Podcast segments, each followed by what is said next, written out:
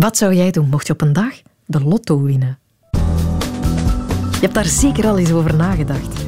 Of je nu meespeelt of niet, dat blijft een prikkelend idee om te gaan nadenken wat je met bergen geld zou doen. Weggeven aan het goede doel of vastgoed kopen overal ter wereld, een personal assistant en misschien zo één dure zottigheid, een, een gouden Bentley met een kreeftaquarium van binnen en een kok aan huis en een zwembad, natuurlijk binnen en buiten en een sauna. Het zal wel.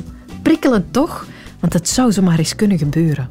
Hoe lang doen we dit al? Wie heeft de lotto uitgevonden? Ik ben Sophie Lemaire en dit is een snelle geschiedenis van de lotto. Je moet eens in je zoekrobot gooien. Ontstaan lotto. Dan krijg je direct duizend artikels waarin je kan lezen dat de lotto in 1441 in Brugge geboren is. En dat is Lari. Dat weet ik van Jeroen Puttevils, hoofddocent middeleeuwse geschiedenis aan de KU Leuven. Ja, dat is wel een aantal keer gezegd en daar zijn eigenlijk ook wel een aantal interessante redenen voor. Maar dus die eerste loterij die vindt helaas voor ons in de Lage Landen plaats in het Italiaanse Genua. We keren terug naar het jaar 1374.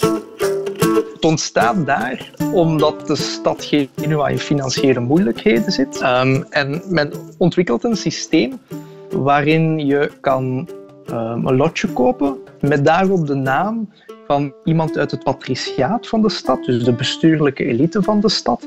En die roteren elk jaar. Dus elk jaar worden er nieuwe um, bestuurders getrokken. Mhm. In een soort van tombola. En daarop kan je dan, um, dus dat, dat gebeurde sowieso. En de nieuwe dimensie is dat je dus daar een ticketje bij kan kopen. En wanneer dan um, als eerste jouw ticketje en dus jouw patriciër getrokken wordt, dan win je een van de prijzen. Geen cijfercombinaties dus in die eerste loterij, maar patriciërs. In Brugge krijg je in 1441 een enigszins vergelijkbare situatie. De Bruggelingen die waren in opstand gekomen tegen Philips de Goede, die kon daar niet mee lachen. En die had de stad Brugge een dikke boete opgelegd. Dus de Bruggelingen moeten ja, manieren vinden om, om die geldboete te betalen. Een van de mechanismen waar ze dan aan denken is een loterij. Eigenlijk zou je het als een soort crowdfunding kunnen zien om de stadskas te spijzen. En de Bruggelingen deden graag mee, omdat ze zelf geld konden winnen, maar ze maakten ook kans op een dik betaalde job in de stad. Honderden, duizenden, soms zelfs honderdduizenden mensen kochten hun lotje en trokken dan naar de markt of de burg in Brugge. Je moet je daar een, een houten toneel, een soort van toneelpodium voorstellen, met daarover een, een groot zeil, um, waarop dus een aantal functionarissen van de stad zaten en twee urnen.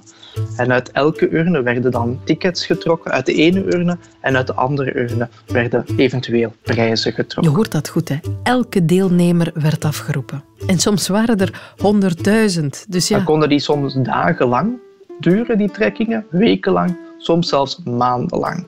En heel interessant is ook dat die 24 uur op 24 doorgingen, zeven dagen op zeven. Maanden zo, zo zelfs zo zelfs dat er, dat de ploeg, dat er in shiften gewerkt werd. Dat, de, dat er trekkingsploegen waren die elkaar afwisselden. En als er dan na uren, dagen, weken, maanden namen lezen eindelijk is iemand won. Klokkengelui, dan is er vreugde, dan loopt iedereen natuurlijk terug naar het plein om te kijken of hij of zij misschien wel gewonnen heeft. De stad Brugge organiseert deze lotto jaren aan een stuk met groot succes. En dus volgen al snel andere steden die ook schulden hebben of stadsmuren willen bouwen of een weeshuis, die volgen het voorbeeld van Brugge. Genua is dus de echte geboorteplaats, maar Brugge zorgde voor de wijde verspreiding van het gegeven. We mogen het dus wel een beetje claimen als van ons. Anders zou het woordje lot toch ook niet in de naam zitten, hè?